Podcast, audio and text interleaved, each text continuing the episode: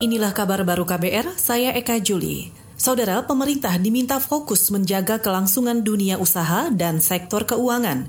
Direktur Riset Lembaga Kajian Ekonomi atau KOR Indonesia, Peter Abdullah mengatakan, resesi ekonomi Indonesia tahun ini sulit dihindari akibat wabah COVID-19.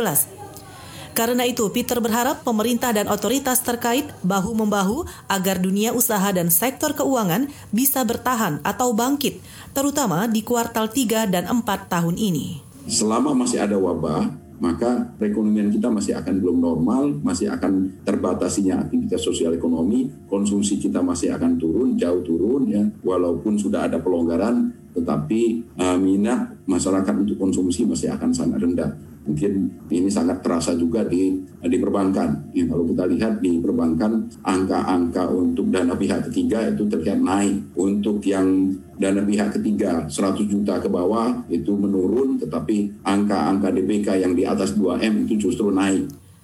Direktur Riset Lembaga Penelitian Ekonomi KOR Indonesia, Peter Abdullah juga menambahkan, kalau pemerintah mampu mempertahankan keberlangsungan dunia usaha dan sektor keuangan, Hal itu akan menjadi penentu keberhasilan menghindari terjadinya krisis ekonomi. Ia juga bisa mempercepat pemulihan pertumbuhan ekonomi setelah pandemi COVID-19 berlalu. Rencana peluncuran roket pengorbit ke Mars milik Uni Emirat Arab tertunda selama dua hari. Penundaan sampai batas waktu yang belum ditentukan.